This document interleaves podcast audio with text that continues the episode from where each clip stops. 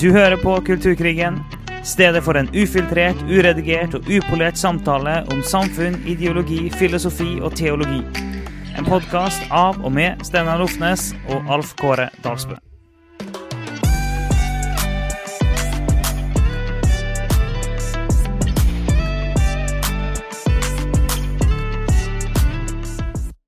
Da er vi i gang fra det dårlige været, og vi er i gang med den dårlige lyden. Eh, Den observante lytter, eller kanskje til og med absolutt alle lyttere, vil ganske kjapt høre at eh, lyden i denne podkasten vil være av dårligere kvalitet enn lyden vi normalt sett har. Ja, og det er fordi at du er skal vi kalle det, snøfast, regnfast, snøskred- og jordskredfast. Eh, Og, eh, og spyfast. fast. Dere måtte opp på en begravelse. Vi pratet jo om det for et par episoder siden, om at din bestemor døde. Du har begravelse. Men så eh, er det fortsatt eh, vanskelige forhold på veier. Ja, altså det vi, vi skulle jo ha dratt, og så det har vært utrolig mye is og dårlig vær. Og så eh, kom spyinga inn i familien. Så konkluderte vi med at det var ikke helt tida for å reise når du kan, eh, når du kan eh, fyke ut i begge ender, og du aner ikke om du må stoppe, og så i kø og mye greier. Um, så vi valgte å utsette, og så eh, fra søndag til mandag. I dag sitter vi på mandagskveld. Uh, Vi valgte å, å igjen utsette, ikke dra i dag. Og det var jo greit, for at ferga Lavik-Oppedal, for den som vet det, er jo veien fra Nordfjord til Bergen. Den ble jo innstilt, så hadde vi kjørt, så hadde vi måttet kjøre en, en solid omvei. Så jeg er glad vi slapp det. Eh, Så vi valgte heller å holde oss da hos mine foreldre, eh, framfor å begynne å ut på tur i det elendige, forferdelige været som vi har prøvd nå. Og eh, med stor fare for, for spying og diverse. Så derfor, og jeg, jeg, var ikke, jeg ikke framsynt nok da, til å tenke på å ta med meg mikrofon. Så Derfor blir det rett og slett bare AirPods-lyd på denne episoden her. Ja, vi tar jo opp eh, både fysisk, at vi sitter i samme rom og tar opp, eh, eller så tar vi opp via nettet, men da har vi mikrofoner til det. Jeg hørte forresten Åh, ja, jeg beklager, for vi hører ikke gjennom alle episodene våre. nemlig. Ikke bare det at vi ikke redigerer dem, men vi hører ikke engang gjennom dem alltid. Så jeg så på et par, eh, par episoder siden så hørte jeg at det var skikkelig skurring på min, min mikrofon. Og så oppdaget jeg når jeg så på dette her lydkortet, at uh, volumet var ekstremt høyt opp. Jeg vet ikke om uh, min lille Ja. sønn eller noen har vært og skrudd der, eller om det er noe. Så beklager det, for når vi snakker om noe god lyd, så er det sånn ja, ja, det var ikke så god lyd for et par ganger siden heller. Nei, det jeg la merke til det. Så, men, men, uh, men når vi tar opp online, så har vi jo egentlig ordentlig utstyr for det, sånn at det ikke skal egentlig merkes, og som oftest gjør det ikke det. Um, men nå blir det enda dårligere lyd, Nå er en sånn telefonlyd, så du får tenke deg at du er i telefonen med oss. Og så Ja. um, tenk, tenk at, at det her er, velkommen til tele telefonkonferanse med Kulturkrigen. ja. Så Eh, det, det blir sånn i dag. Det er mm, det er, Uten at vi skal gå langt inn i det, for det er ikke det vi har tenkt å snakke om nå, men jeg må likevel bare nevne det så vidt. For jeg har jo vært i begravelse på fredag til min eh, kjære farmor. Der, eh, der eh, alle hennes etterkommere, faktisk, absolutt alle, kom. Så 71 stykk, da med rubbel og bit, som er direkte etterkommere av farmor og farfar som kom. Det var, det var en mektig opplevelse, må jeg si. Det å være sammen alle 71 i, av samme kjøtt og blod. Der, eh, og det å se på den eh, mengden, og, både det å føle på tilhørigheten og kjenne på røttene, men òg å se på eh, andelen som følger Jesus aktivt. Det er, det er så jeg har tenkt veldig mye de her dagene på eh, åndelig arv, og hva en kan etterlate seg. Og hva, hva virkning det kan ha på både barn og barnebarn og oldebarn. og sånn. Det, det, det er noen sånne mektige, lange, store linjer i hele det der som jeg har tenkt masse på de siste dagene. Så det, er, det har virkelig kribla i, i, i røttene mine, eh, for å si det sånn, de her dagene. Det er, det er spesielt. Det er det.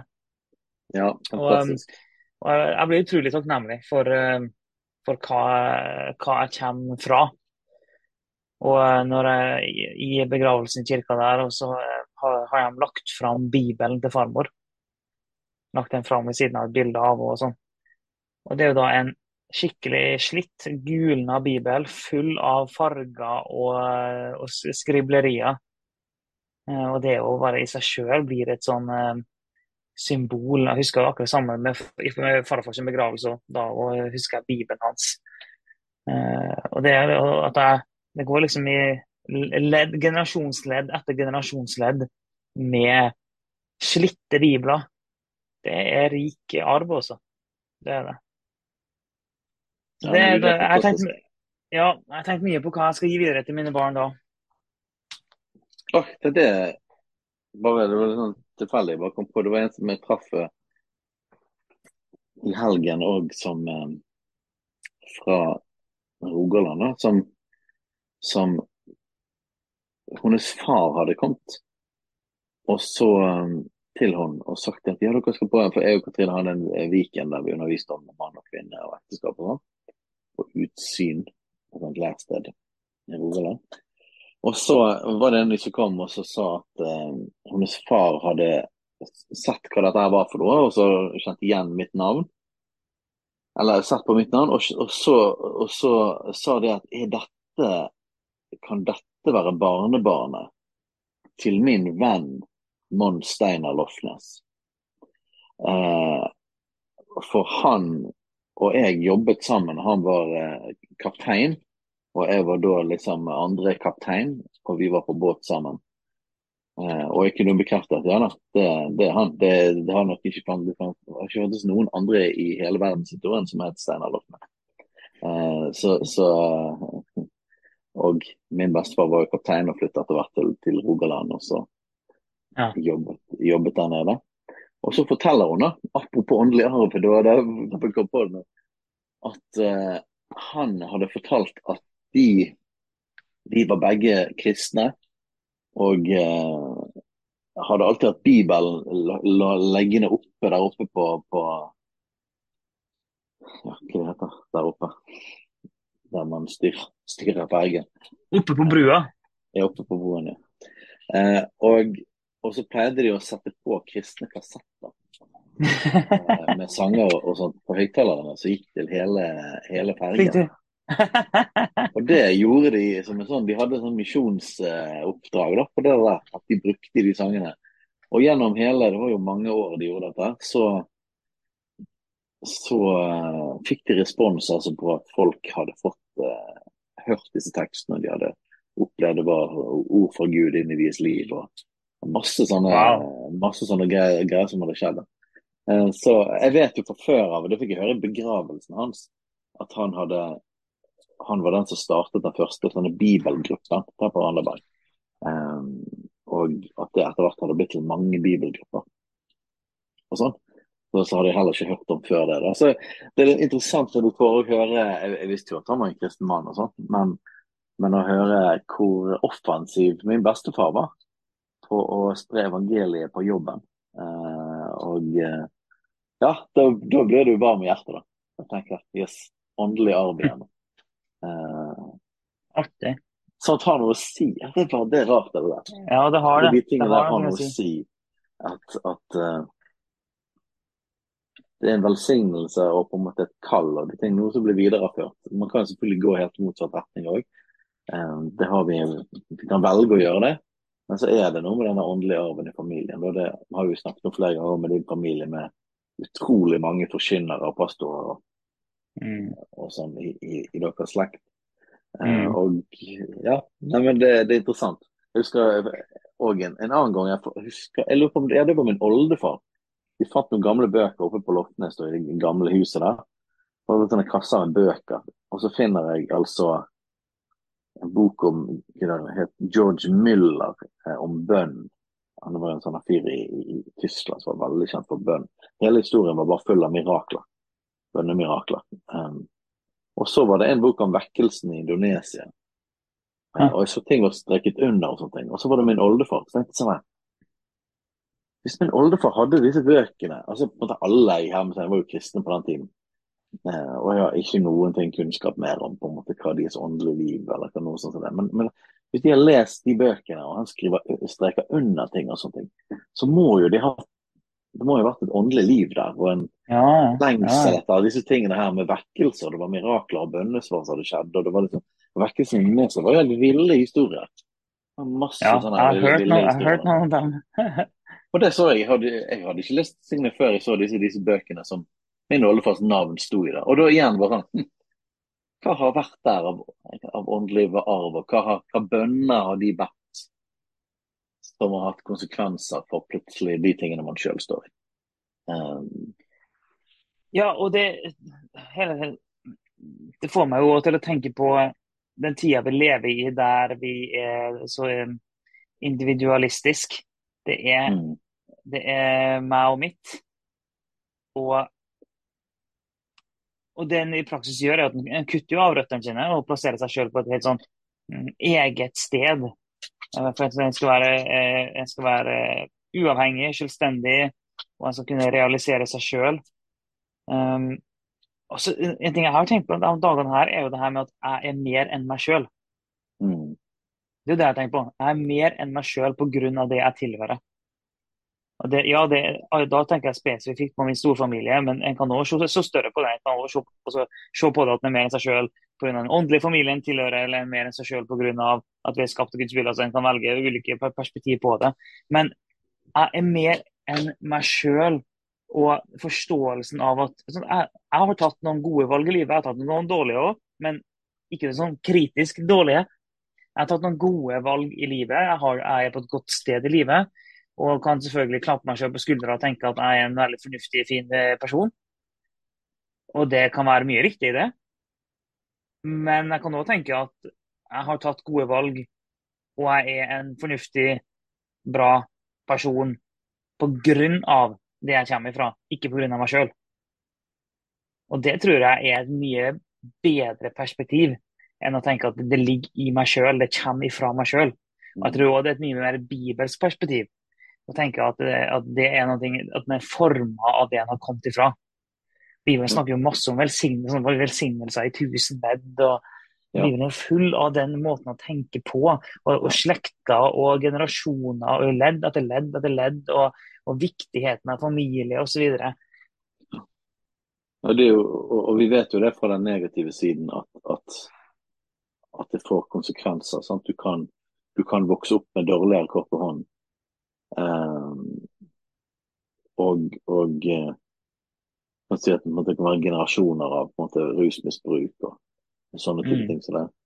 Um, og, og mye av det er jo sånn naturlige ting, altså det du vokser opp med. På samme måte kan du si det i den kristne, vokser du opp i en kristen familie, har du eh, en viss arv på den måten. sant? Det kan få praktiske konsekvenser. Um, men, men både positivt og negativt så tror jeg òg at det er mer enn tingene som blir gjort. Jeg tror det finnes en åndelig dimensjon av de tingene. Mm. Uh, og at, at fienden har plaget og prøver å stjele mer og ødelegge og ødelegge i, i mange slektsledd videre. Og veldig viktig å, å, å understreke når vi snakker om denne positive arven som vi er takknemlige for, og som vi på mange måter er takknemlige for at vi kan få lov til å stå på skuldrene til, til generasjoner før, at det finnes en nåde fra Gud eh, som på en måte er skjenket videre i slektsledd grunn av noe man har gjort før. Og, og vi ønsker å fortsette på den arven med, med våre barn og det som kommer etter oss. Så må vi selvfølgelig løfte opp det er en annen sannhet som er i Bibelen, for dette er en sannhet. Det er helt riktig. det er sånn som det. er. Og så finnes det en annen sannhet i Bibelen òg. Det er det at Gud eh, kommer inn og så snur han eh, fullstendig. Eh, og gjenopprette det som var fullstendig brutt og fullstendig ødelagt. Og det, det, er så, det er så sentralt i hele evangeliet. Og, og, men som eh, eh, Chris Walton i Battle Church sier at Bill Johnson er jo et eksempel på en som har står i en sånn slakt av jeg tror det er sånn seks eh, generasjoner før de var liksom forkynnere og pastorer. Eh, sant? Og Han snakka om noen før der som jobbet med Smith Wigglesworth. og det var noen som liksom, Og så har du han Chris Walton, da, som kommer fra, fra, eh, fra generasjoner av, eh, av konemishandlere og, og kriminelle og uh, rusmisbrukere. Uh, og så sier han mm. det at uh, jeg blir en demonstrasjon Bill blir en demonstrasjon av på en måte nåden og velsignelsen i flere slags Og jeg blir en demonstrasjon av Guds gjenopprettende nåde. Og at inni vår slekt så kunne Gud kan ta og, og, og snu de tingene som var elendige og så håpløst ut. Og så sier han så er det mitt privilegium å kunne starte, kunne være skillet i vår slektshistorie. Og at etter meg, de som kommer etter meg, vil på en måte være velsignet. Ja, Det er et fantastisk perspektiv. sånn, eh, Om du har en god arv, så skal du få gleden av å forvalte det og, og viderebringe det og foredle det videre. Og har du en mindre god arv, så kan du være den som, eh, som setter en positiv retning for dine etterkommere. Og der, det, Guds nåde er der uansett. Yep. Så det er to versjoner, to, to ja. varianter av noe fantastisk fra Gud. Og, ja. Eh, og sånn, Vi snakker om dette pga. at du var i en begravelse, og så du kommer opp av den grunn, men, det, men for å knytte det inn på samfunnet og tanker, du har jo nevnt det til individualisme. Det er en eh, det er en ny måte å tenke på det, og det, det er en vestlig tankegang. Det kommer fra det kommer fra det, fra det moderne samfunnet. Først av alt liberalismen. Uh, dette med å tenke meg som et individ, først og fremst. Og mm. ikke en del av en slekt og en del av et lokalt miljø. og på en måte Dette med at identiteten er så individuell. Eh, og igjen, det finnes, det finnes, positive ting med det. Det er jo sånn alle forandringer som har skjedd i historien, omtrent alle, eh, har gjerne hatt positive sider ved seg, og så har det negative, destruktive sider med seg.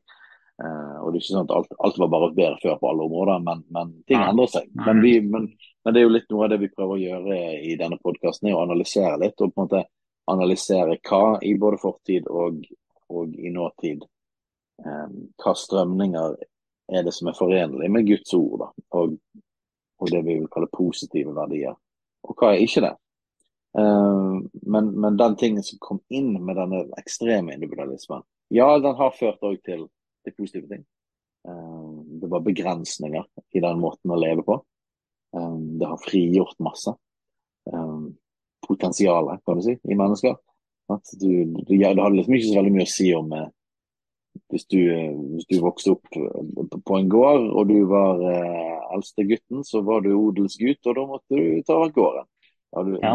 Sånn, ingen personlighetstest på deg, eller eh, nådegavetest, eller brydde seg om liksom, ja, hva er du kalt til å gjøre, og hva er dine interesser, eller hva er dine evner? Ja, kanskje ikke du er så god med praktiske ting. Hva passer din personlighet til? ja, du er mer intellektuell, liksom. Ja, kanskje ikke du skal være odelsgutt. Altså, det hadde ingenting å si. Du måtte ta det. sånn. Uh, så, så, så, det finnes jo positive ting, og jeg tror vi, sist gang vi snakket om dette hadde det ikke vært for de tingene, hadde ikke vi sittet her og eh, spilt inn en podkast heller. Eh, nei, nei, nei. Så vi skal ikke skyte ned alt av dette her, alt av individualismen.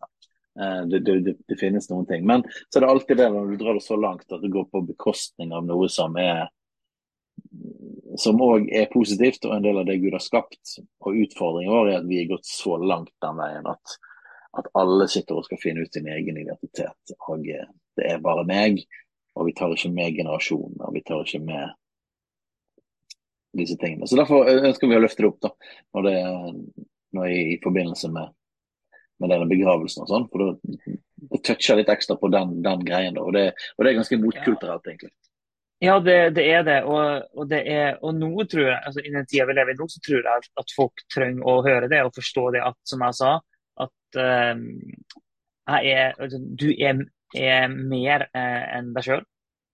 Men det kan godt være at i eh, tidligere tider så var det nødvendig uh, at folk forsto at du er mer enn din familie. Ja, du er faktisk et eget individ skapt av Gud. Nettopp. nettopp egne, egne ting. Og du kan trekke frem lemmer og legeme. Det, ja, ja. det betyr ikke det er forskjellige ting. Ja. Altså, du er en egen person en helt egen, separat person med en egen personlighet, med faktisk egen eh, utrustning og et eget kall fra Gud. Og det er sant. Ja. Samtidig som det er også sant at du kan ikke frigjøre deg fra at du er, du er mer enn deg sjøl.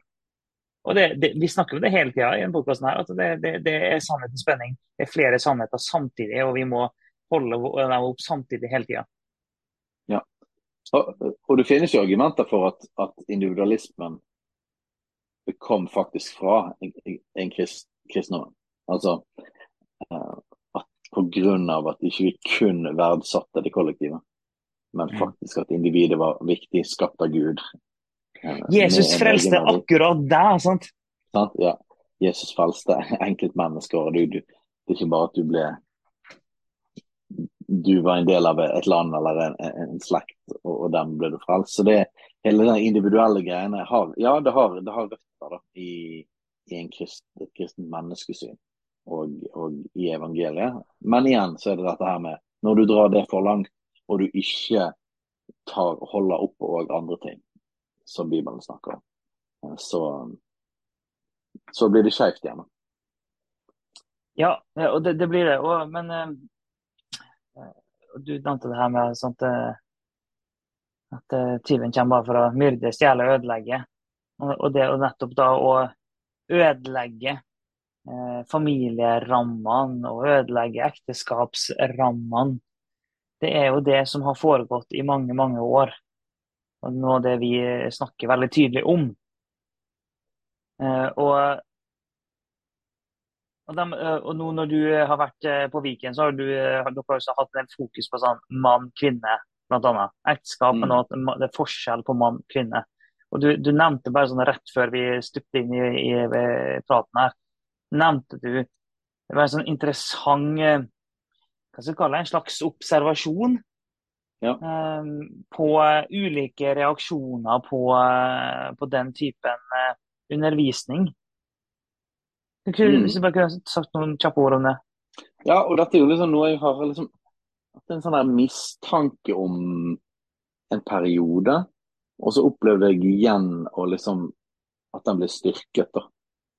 Og det hadde vært veldig interessant å høre litt sånn respons fra, fra lytterne våre på akkurat dette. Altså, for det, det gjør meg litt nysgjerrig, da. Og det er det at når vi begynte å snakke for noen år siden mye om dette her med Guds ordninger, Guds rammer, ekteskapet mann og kvinne. Alt det som står, står i første kapittel i første Mosebok. Og, og, om, om, at Gud skapte mann og kvinne. og Vi snakker om dette med barn og familie. Vi har gått gjennom disse tingene så mange ganger. Sant? Og seksualitet og identitet og osv. Så, videre, og så, så fikk vi en sånn enorm respons um, først hos våre egne folk. Um, og vi er jo sant, en bibeltroende evangelisk menighet som alltid har trodd på disse tingene. Det er ikke noe nytt, det. Men vi har ikke fokusert så mye på å snakke om de tingene. Så når vi begynte å snakke mer om det i respons på trykket i, i kulturen på det, så opplevde vi at det var veldig mange som var sånn, ah, liksom, traff en sånn enorm sult. Uh, og videre når, når uh, kulturkrigen ble til, og, vi, og, de første folkene som hørte på kulturkrigen, var jo en del folk rundt oss og folk i byen, uh, før det på en måte spredde seg mer ut i hele landet så var det òg en veldig respons på det. At, uh, I forhold til folk som studerte og gikk på skole, og opplevelsen av hvordan det var i både nabolag og, og uh, jobbsammenheng i forhold til alle disse kulturkrigsspørsmålene. Folk kjente det utrolig på en måte viktig at vi snakket om disse tingene. For, ja. uh, så, så, så, det var liksom sånn her, den utgangspunktet responsen. det At vi visste det, at dette her, dette treffer, dette er et stort behov. Folk kjenner dette presset veldig kraftig. Og Da tok vi utgangspunkt i på en måte vår virkelighet, vår egen menighet og vår egen by. Og så begynte vi på en måte å få lignende respons rundt omkring fra andre, andre rundt omkring i landet.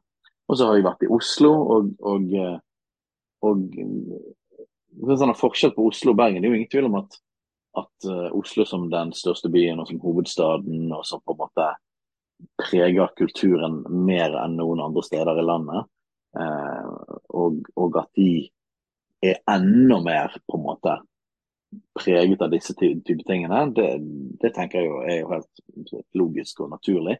Men samtidig så opplever jeg ikke så veldig stor forskjell på Oslo og her. Jeg, jeg kjenner meg veldig igjen i virkeligheten. Uh, og, og, kanskje den største forskjellen jeg opplever fra Oslo her for folk bare Dette er min observasjon, sånn er det. Det oppleves som at menighetsmiljøene i Bergen er sterkere uh, i forhold til befolkningsmengden og sånne type ting. Da. Og at man på en måte, i forhold til det å stå på Guds ord og sånne ting, så oppleves det på en måte veldig sterkt i Bergen. Men det oppleves ikke som at den vanlige mannen i gata er så veldig forskjell fra mannen i gata i Oslo. Når det gjelder hvor preget er man av disse filosofiene og ideologien. Um, så i den grad det er en forskjell, så er det på en måte ikke sånn at vi merker det veldig i dag, dagliglivet. Det, det trykker ganske kraftig på, vil jeg si. Og uh, um, jeg vet jo det at Bergen kommune og næringslivet her, de, som med alle ting, så vil man jo konkurrere. Og det har man jo merket når det skal være regnbueting. Så prøver jo de å ikke være dårligere i det hele tatt enn Oslo på å være mest mulig woke. og jeg tror ikke Universitetet i Bergen eller noen av utdanningsinstitusjonene heller ønsker å være mindre woke. Eh, så, pluss at det er en lang tradisjon for, på, på, både på kjønnsstudier og eh, filosofien og postmoderne ting. Så Poenget mitt er det at når jeg har vært i Oslo og jeg har snakket med folk der, så kjenner jeg meg veldig igjen i virkeligheten. Det oppleves så mye av samme virkeligheten. Og så det, har jeg vært en del på Sørlandet, forskjellige menigheter og sånne ting. Og så har jeg på en måte pratet med disse tingene som jeg tenkte at dette her er jo, jeg, jeg brenner jo for det, vi syns det er viktig. Og det er litt en sikker vinner. på en måte Min erfaring er at folk gir veldig respons på det. bare ja, det er så viktig at noen snakker om dette her. For det er bare man kjenner det presser på skikkelig. Og så opplever jeg det på Sørlandet. på en måte. Litt sånn ja, ja, liksom. Må ikke du bli altfor voldsom på dette her, liksom. Det var ikke samme, var ikke samme respons. Det var sånn, å ja, ja, ja, jeg har plenty av andre ting å snakke om. Liksom, hvis ikke dette brenner, så, så bare siste årene vi har forsynt noe særlig inn i disse tingene her. Så jeg trenger ikke snakke om mann og kvinne og ekteskap og gudsordninger her, liksom. Jeg kan snakke om andre ting. Um, og så har jeg gjentatte ganger opplevd det på Sørlandet. Og så, og så uh, Nå var vi i Rogaland, da. Og noen folk, uh, og spesielt noen som kommer fra Oslo, de bare opplever bare sånn åh, dette er viktig, liksom. Um, og jeg prater faktisk med de om akkurat dette her. Er det Opplever dere forskjell liksom, på, på, hvordan det er når dere kom, for de kom fra Rogaland og Bryn, eller familien deres bodde der, og så bor de nå i Oslo. Um, opplever de forskjell, og de opplevde stor forskjell. Eh, og så, ja, så Spørsmålet er er ikke dette like kraftig. Oppleves, oppleves ikke dette like offensivt og like altomfattende som vi opplever det, og som, som når vi hører fra folk som bor i Oslo og på Østlandet? Eh, hvordan er Trondheim, Trøndelag, Nord-Norge på disse tingene? Jeg, vet, jeg, har ikke peiling, jeg vet ikke. Um, men det, det, virker som at det finnes regionale forskjeller på hvor, hvor, mye preget, hvor mye press det er på, på denne her kulturkrigtingene, og hvor mye de kristne føler at det trykker veldig på. Um, og så har jeg en annen observasjon, og det er at det virker også som at det er en generasjonsgreie. At de som er 60 pluss, kanskje, muligens. Um, og syns at det er litt underlig med det fokuset som vi har når vi snakker veldig sånn tydelig om mann og kvinne og kjønnsidentitet og de tingene. Og noen av, noen av responsene jeg har fått fra noen av de, har vært litt sånn um, Det er tydelig at det de har vokst opp med, har vært en veldig konservativ kristendom. Og, og at det som har trykket mer på, eller der skoen har trykket, har mer, vært mer at vi kan ikke bare være strenge og døde religiøse, men vi trenger å ha liv. og vi trenger å elske mennesker, og vi trenger å på en måte, ja, alle de tingene der. Um, og at det oppleves litt underlig for dem når vi kommer veldig sånn kraftig på disse her tradisjonelle verdiene. Og, og, og at vi nesten blir mer provosert av det. Ja, for det, når du da løfter opp rammene ganske, ganske tydelig. Ja. Eh, og at, at, det liksom det er litt som, det, det, igjen, Dette er min opplevelse, jeg har snakket med noen og hørt noen sånne ting. Men liksom, skal liksom slå det sammen så det føles litt som sånn her Eh, det er ikke dette vi trenger mer av, liksom. I eh, konservativ har vi noe, på en måte. Det er ikke, det er ikke, er der skoen trykker nå. Um, også, mens når man snakker med yngre folk, så opplever de seg at de kjenner seg mye mer igjen i det. At liksom, ja, dette er det trøkk på, liksom.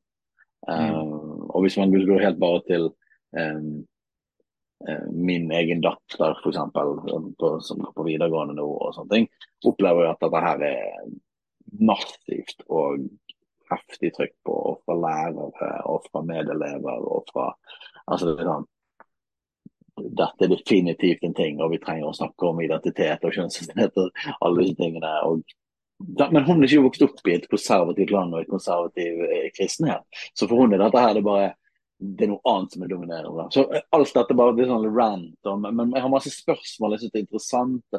Vi driver med kulturkrigen her. Vi, vi, reiser rundt omkring og forkynner om disse tingene. Og så prøver jeg å lære landskapet. Er det sånn at er det sånn at dette ikke treffer like godt alle steder? Liksom, hvor mye er vår virkelighet, alles virkelighet rundt omkring i landet vårt? Og jeg har én tanke som er litt mer sånn her OK, det jeg i alle fall tror, er at hvis folk ikke opplever at det er veldig trøkk på det, og, og her er nok forskjell på storbyer Da sa jeg Sørlandet, Rogaland, men det kan jo like godt være at det egentlig ikke er det det er. Det kan være det at det er storby og mindre steder.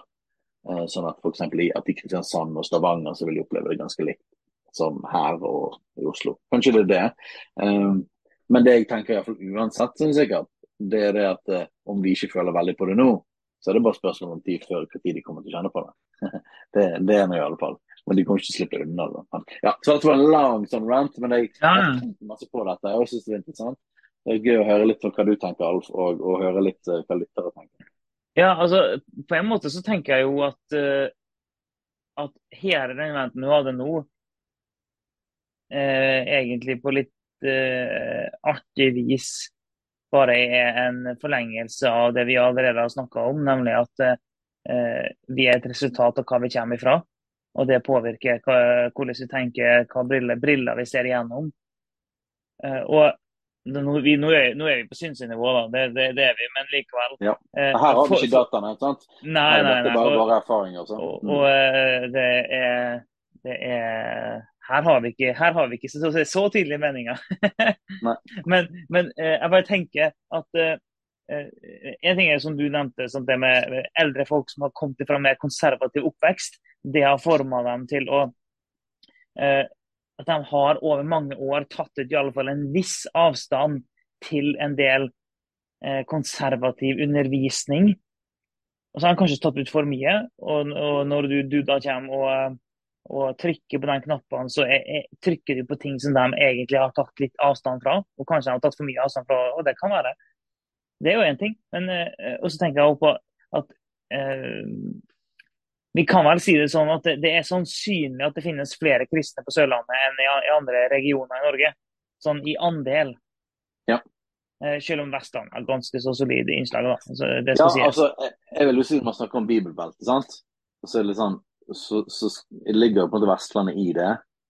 Um, men, jeg, jeg, men, det er vel kanskje en litt sånn gradvis greie, da. Uh, at, at, uh, at, det kanskje er kraftigst på Sørlandet, kanskje litt mindre, men fortsatt ganske kraftig i Rogaland.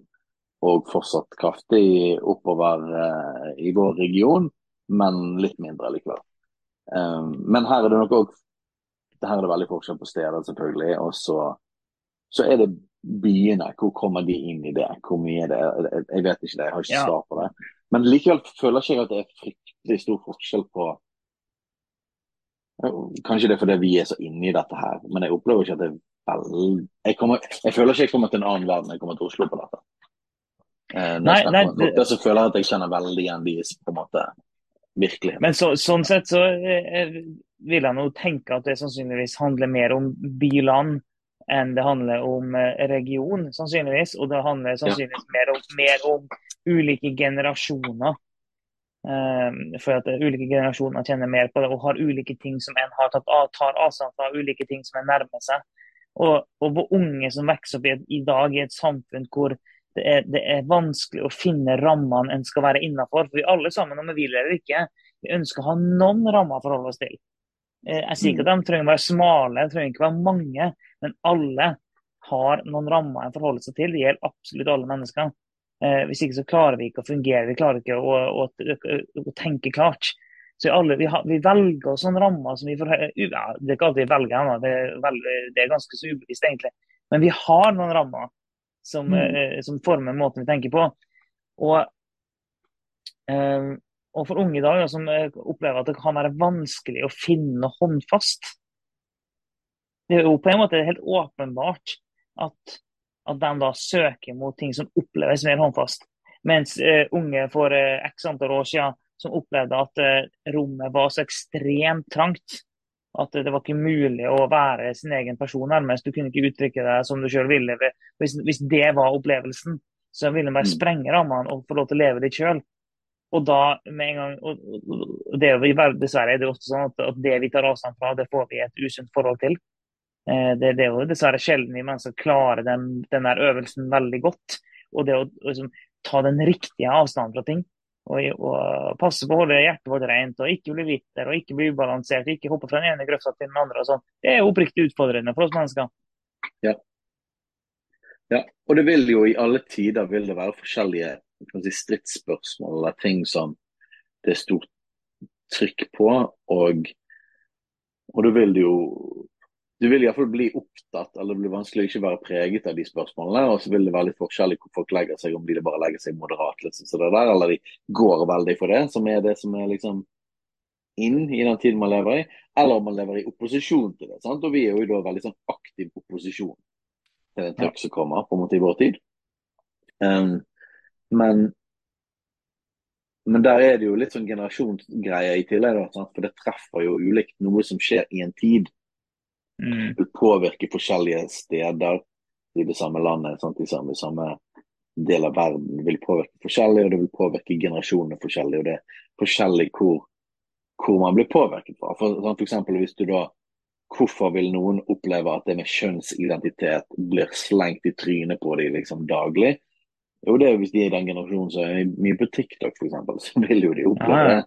Men hvis det du er vant med å se, eh, er, er på lineær TV, eh, og kanskje til og med på en del kristen-TV, og så slenger du litt, litt NRK, men du, du, ser ikke de mest radikale programmene på NRK heller. Du ser, eh, du ser litt nyheter, og så får du det jo med deg at det er disse tingene, men det er ikke sikkert du opplever at det er in your face hele tiden.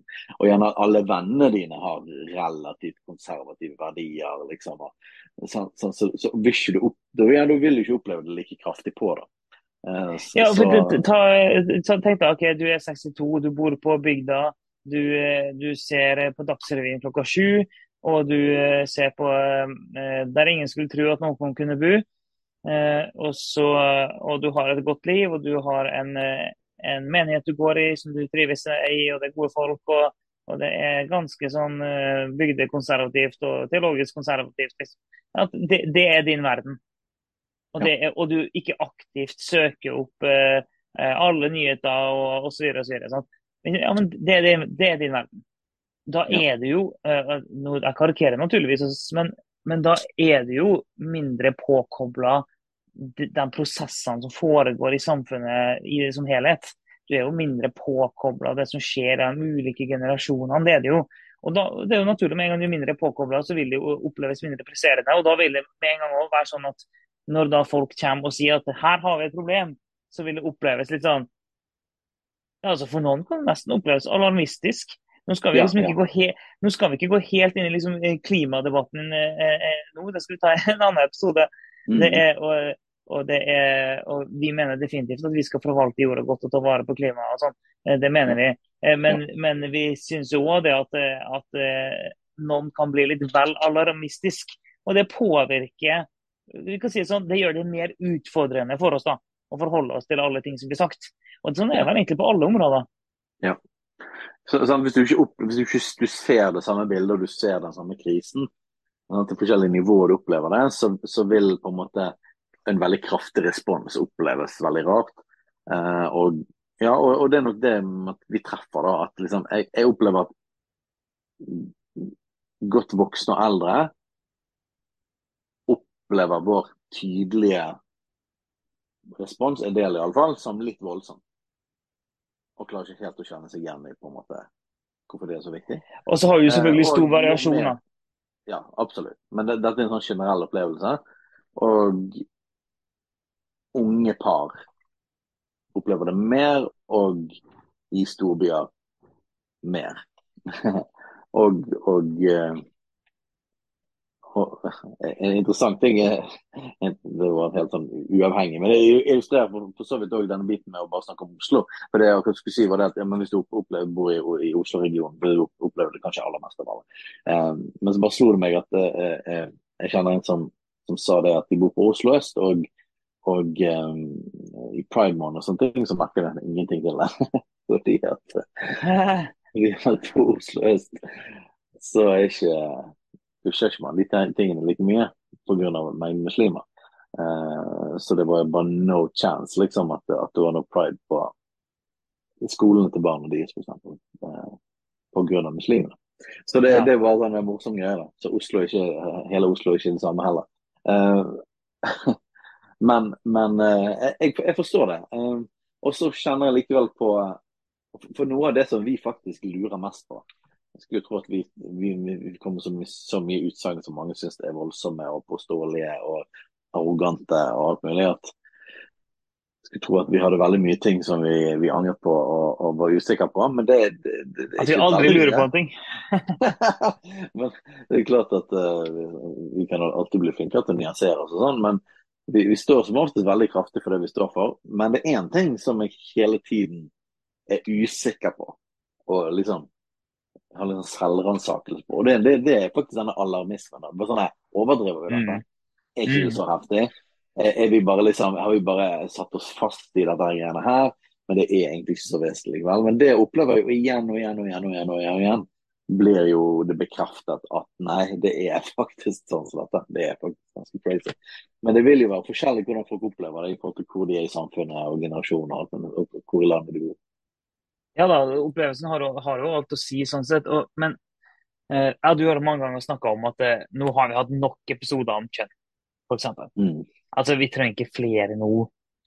Men basert på tilbakemeldingene vi får, så er, er opplevelsen at det er iallfall en, en betydelig andel av lyttere som mener at det gjerne kan være mye mer. ja. og det er sånn, eh, Vi føler at vi har snakka masse om det, men, for, men, men, det er mange som føler at det er at det presser såpass på at de gjerne hører mer. Ja, ja det er veldig interessant det der. Og eh, en av mine favorittpodkaster er The Rest Is History. Um, og da er det jo to eh, engelske menn som, som, prater om alle mulige slags De er historikere som har snakket om forskjellige ting i historie. Eh, men klart at deres verdisyn og deres forståelse av historien og samfunnet nå kommer jo veldig klart gjennom. Um, og uh, han ene, Dominic Sandberg, han har en sånn ting som han alltid kommer tilbake til. Og det er at han, han har jo da veldig tro på, på at det, det, egentlig viktige i historiens utvikling er de materielle, de materielle for, forandringene og den teknologiske utviklingen og alle de tingene der. Eh, og at på en måte de ideologiske og filosofiske tingene har mye mindre å si.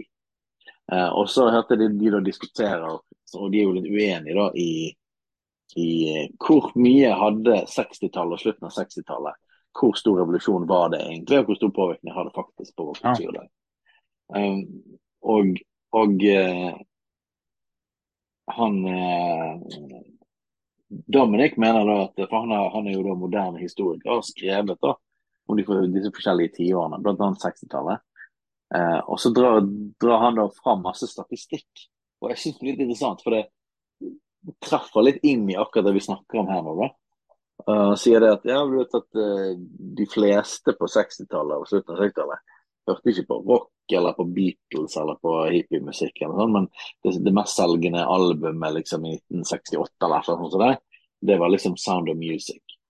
Og, og, de mm. fleste gikk ikke med hippieklær eller så sånn ut eller sånn ut, eller sånn ut, eller hadde radikale meninger eller kastet seg ut i den seksuelle revolusjonen. og sånt. De aller fleste levde veldig kjedelig, konservative liv. Eh, og på en måte det var, det var, på ingen måte, det representerte på ingen måte det flertallet av befolkningen. Eh, og, han ville da liksom spille ned hele på hele ja, hvor mye det hadde å si. Eh, og hvor mye var det faktisk en revolusjon på slutten av 60-tallet. Eh, som påvirket kulturen vår. Eh, og så mener han andre da, at eh, ja, men det handler ikke om det.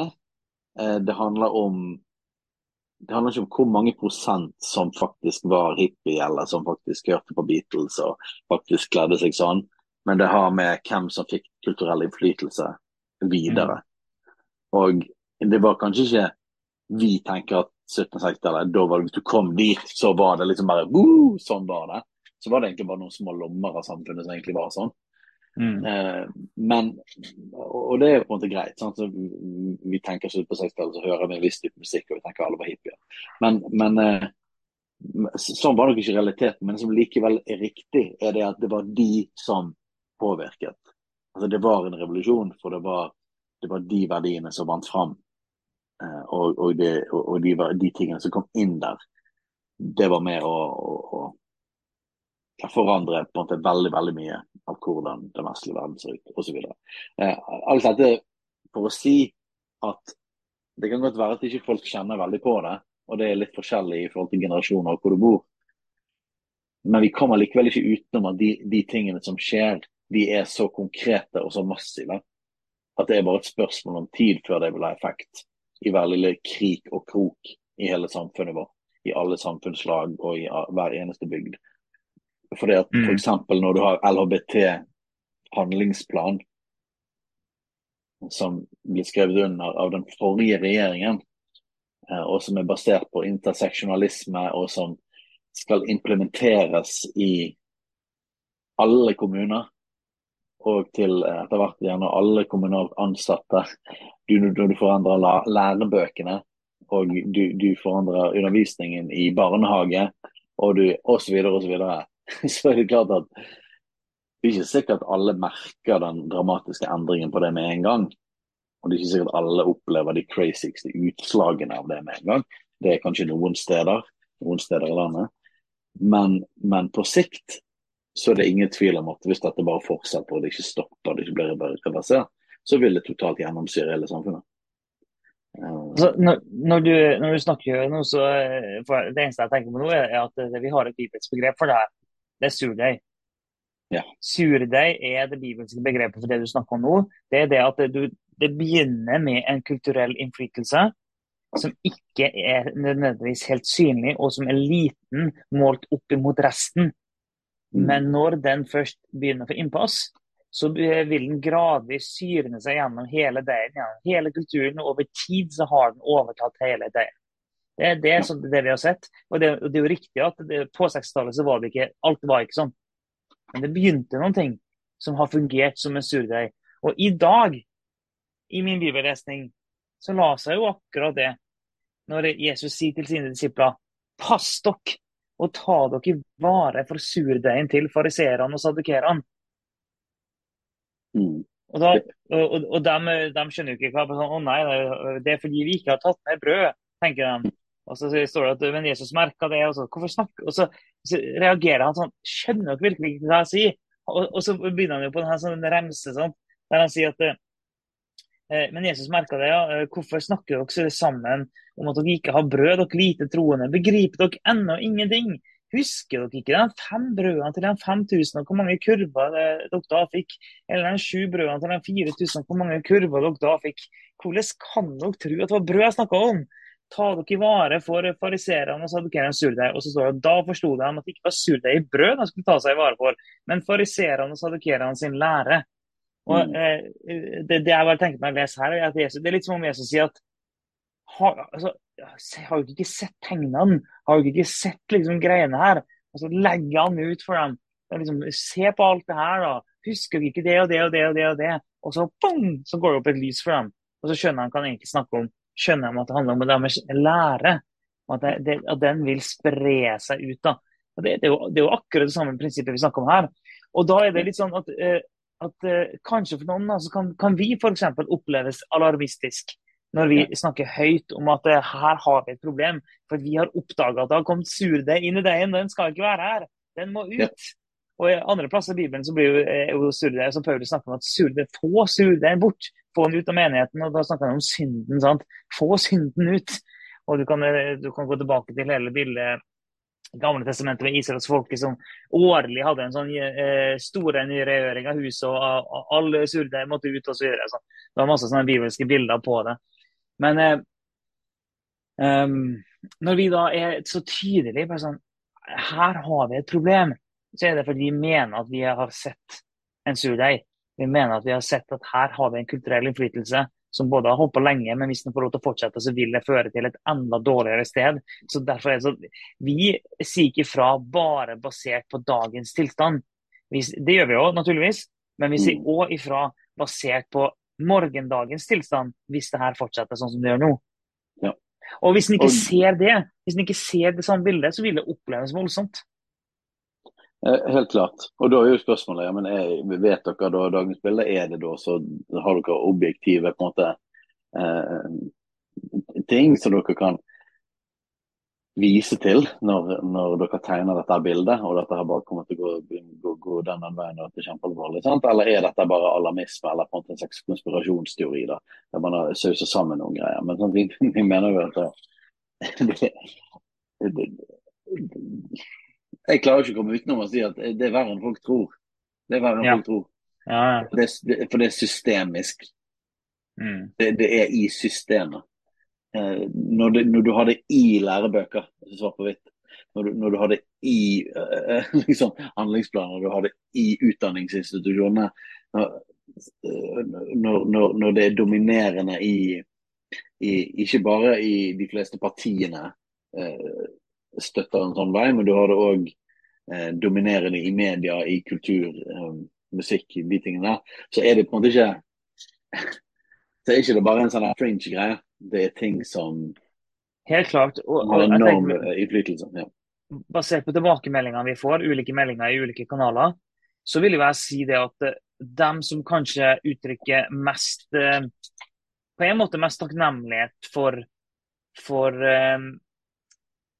det vi har å si da, om, om surdeigen, om, om hvor farlig det her er, og hvor utbredt det er, det er studenter.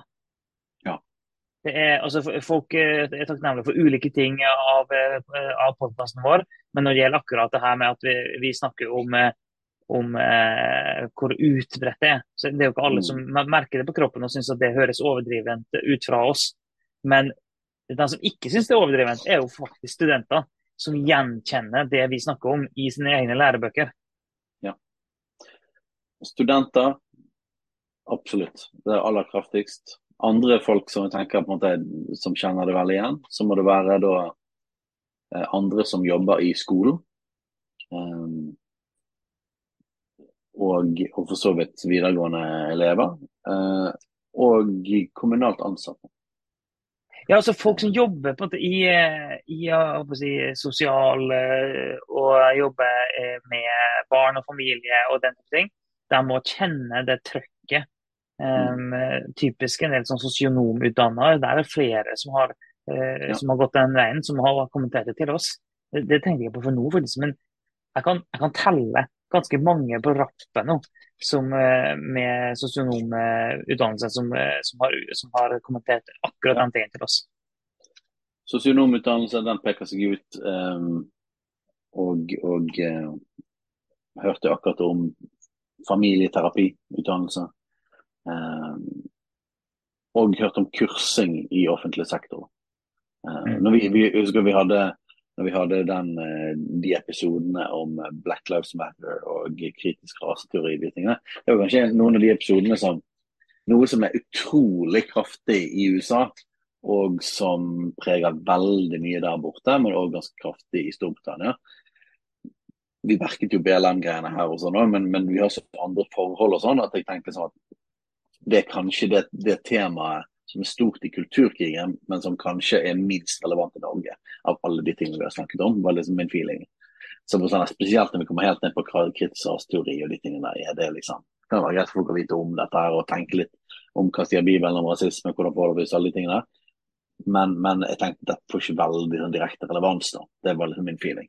Og så kommer det en person som jobber i Bergen kommune og sier at vi har hatt kurs denne uken og blir eh, lært opp i kritisk rasteori. Og det var sånn Å ja, OK. Så nærmt var det, liksom. Mm -hmm. det var visst ikke uvesentlig, det heller. Uh, så, så... Og, det er jo så mange som ikke er klar over det.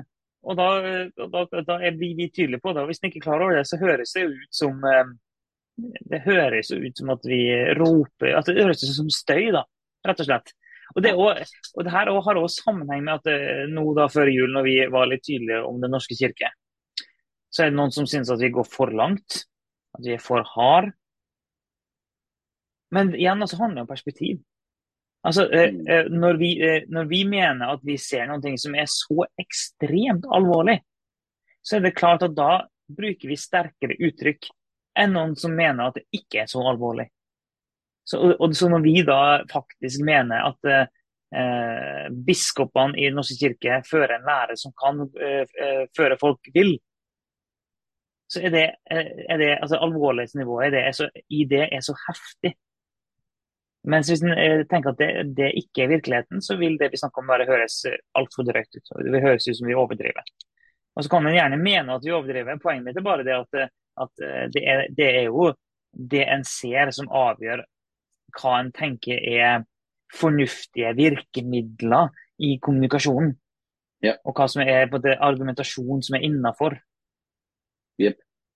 For vi, vi var innom dette når vi snakket om abort òg. Sånn hvor alvorlig du opplever det er, vil jo avgjøre hvor, hvor kraftige virkemidler du kan bruke imot det. Eh, og, og Sånn vil det være på alle ting. da. Eh, Og For en da som opplever at noe er mindre alvorlig, så vil en kraftig, kraftig virkemiddel virke overdrevet. Mm. Eh. Så, eh, og, det, og det er jo litt sånn at hvis, hvis du snakker annerledes til barnet ditt om, eh, om, det liksom eh, La oss si at det var en dam på, på veien. Og så holder de på, de ser ikke seg for, de holder på å gå rett opp i den og bli våt på skoen. Da gir du en annen nivå beskjed enn hvis de går ut i veien og holder på å bli påkjørt av bil. Mm. Eh, så begge deler er at du prøver å stoppe noe. Men klart alvorlighetsnivået vil avgjøre hvor toneleie og alt. da. Eh, og hvis det er alvorlig nok, så bryr de deg faktisk ikke om at de blir redd av at du skriker til dem. For det at de blir redd er uvesentlig i forhold til om de dør. Og, og litt sånn er det vi har følt i forhold til Norsk kirke. Nå ble vi sneket litt inn i den greia igjen. Vi skal ikke gå full inn i det. Men, men det er jo det, hvor kraftig ut ja, hvor kraftig du går ut på det. Um, og, og PS for de som savner at vi snakker om det, da, om det skulle være noen. Vi har ikke savnet det, men uh, skal vi ha en prat med Sofie Braut og gå skikkelig inn i det igjen. Uh, så så det blir kjekt. Får vente på det. Men, men uh, noen av de som syns at vi bruker altfor kraftige på en måte, ord og virkemidler, og at det er altfor drøyt, um, da ser du ikke det samme bildet som vi gjør. Da er vi jo da er vi uenige om situasjonen, vi er uenige om bildet. For Vi syns det er så alvorlig at vi syns jo ikke at det er så voldsomt det vi sier. Og vi, hell, og vi faktisk regner inn litt, litt sånn sånn bilder om øh, barnet ditt er på vei til å gå ut i veien. liksom. Det er bare, øh, I forhold til hvor alvorlig dette er, så er faktisk ikke om folk blir lei seg eller såret eller støtter det, er faktisk ikke gjør oss ikke så mye. Fordi at vi mener Ja. at alvorlighetsgraden er så stor at vi må si fra. Men det er jo nettopp derfor at, at vi mente at det var et sidespor når det var noen i den eh, debatten der i før jul som ville ta tak i måten vi snakka på. Nå mener jeg at måten vi snakka på var innafor, sånn uansett mener jeg jo det. Men samtidig som jeg også mener at det er helt, helt innafor å diskutere måten og kommunikasjonsform, men det er likevel et sidespor. Og at det, så, så, eh, at det var ikke saken. Da må vi heller diskutere virkelighetsforståelsen til hverandre. Det er Mm. mer fruktbart enn å henge seg opp i kommunikasjonen. For det er litt sånn eh, ja, Hvis du roper mot, eh, noen, eh, som mot barnet som er på vei ut i veien, så er det veldig sånn Da er ikke poenget at du da skal å diskutere um, sånn eh, Det er ikke greit at du roper til meg.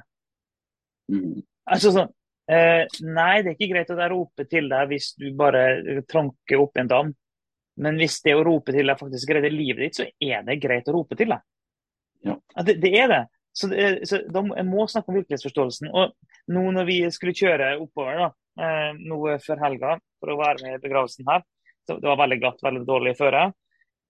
Eh, og så kommer jeg inn i en sving, og så merker jeg helt sånn, jeg merker instinktivt idet jeg kommer inn i svingen, at nå har jeg for høy fart. Og Det er bare det en forferdelig følelse. Og jeg merker at jeg får høy fart, og det er glatt. Og da vet jeg nå kan jeg ikke bremse for hardt, og jeg kan heller ikke svinge for brått. Da mister jeg kontroll på bilen. Og, og, når jeg rekker, så rekker jeg å tenke den tanken, og så ser jeg at det kommer en lastebil i svingen. Oi, oi, oi. Og, og da sannsynligvis, det her vet jeg ikke, ting gikk veldig fort, men eh, sannsynligvis pga. at jeg så lastebilen, da, så har jeg nok så sannsynligvis bremsa litt for mye og eller svingt litt for mye, mer enn jeg i utgangspunktet ville gjort. Som gjør at jeg får stengt på bilen. Eh, så bilen går over på sida, og den går over i motsatt kjørefelt. Og det er en trailer på, på vei mot oss. Um, og da, når, når, det skjer, så skriker Ellen ut 'Jesus!' i bilen. Det, er hennes, det, er hennes, reaksjon. Hennes reaksjon er med all sin kraft å rope på Jesus når det mm. skjer. Og så, jeg, jeg, jeg visste jo heldigvis jeg, jeg, tror, jeg, jeg tror at vi har litt englevakt òg. Eh, jeg vet at eh, mamma ber hele tida for oss. Hun sa det når vi kom fram at hun hadde bedt masse på turen. det har hun ikke spilt inn nå. Men jeg visste òg hva jeg skulle gjøre for å få kontroll over bilen. Eh, så jeg fikk kontroll, og vi fikk oss inn i feltet igjen. og Det gikk bra. Skjønner det var en forferdelig ekkel opplevelse. Men da kan vi diskutere. Var det feil av henne å rope ut i det øyeblikket? Nei, det var ikke feil i det hele tatt. Det var mm. helt på sin plass. Ja. Eh, men hadde det vært sånn eh, Bilen som er 50 meter foran oss, har begynt å bremse. Og jeg har ikke enda, jeg har, jeg har ikke sekundene etterpå begynt å bremse sjøl. Eh, og hvis hun da hyler ut liksom 'Jesus!' Eh, mens jeg egentlig har enormt god tid på å begynne å bremse, kan, mm. da hadde vi nok tatt en diskusjon om sånn, kan du være så snill å ikke rope sånn. For det er faktisk ødeleggende her, og det, det, det forstyrrer meg i kjøringa. Det er mer destruktivt enn det er bra. Ja. Så det, det, er et banalt bilde, men virkeligheten har, har, alt å si for hva kommunikasjon som er riktig å bruke. Ja, og, og dette, dette, er jo, jo refreng for oss, også, men vi mener det veldig sterkt. altså.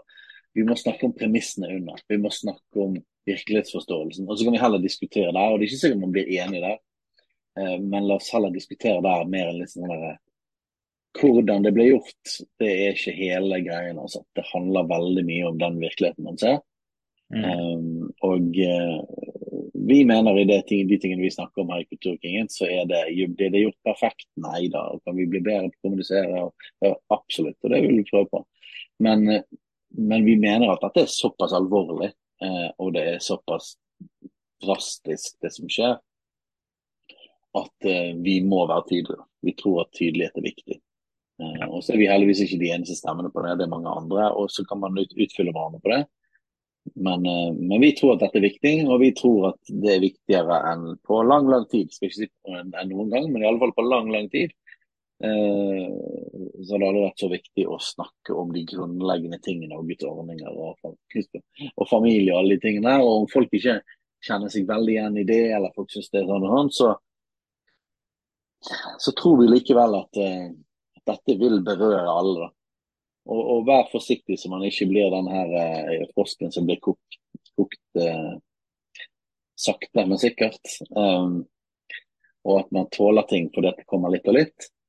Eh, klart det vil være forskjell i, i, forskjellige situasjoner og steder man bor, forskjellige yrker man har, hvor kraftig man vil møte dem. Men vi mener objektivt sett at det er så mye Dette har fått så, fått så stor eh, innvirkning i kulturen vår at, uh, at det er på et veldig alvorlig nivå. Og at det kommer til å gjennomsyre hele samfunnet med stor sannsynlighet. Håper det at vi ser en reaksjon som kommer, det er, for det er motstander, det er mer reaksjon. Jeg håper at det etter hvert vil på sikt gjøre at ting tipper andre veien igjen. Men det vil likevel ha gjort en skade, da. Ja.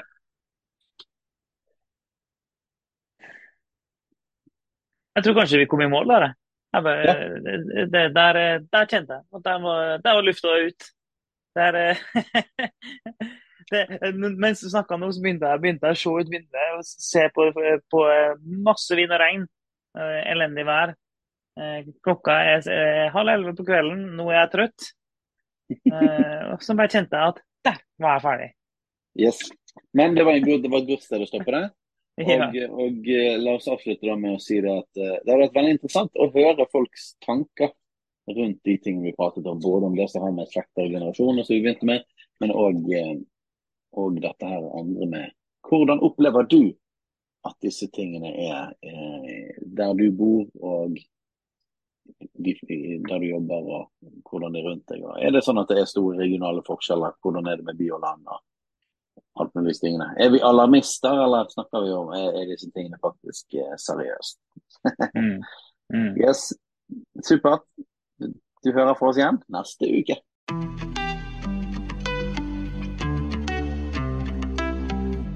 Takk for at du lytter på Kulturkrigen. Om du har tilbakemeldinger, spørsmål, hva som helst egentlig, send inn til post alfakrøllkulturkrigen.no eller på sosiale medier.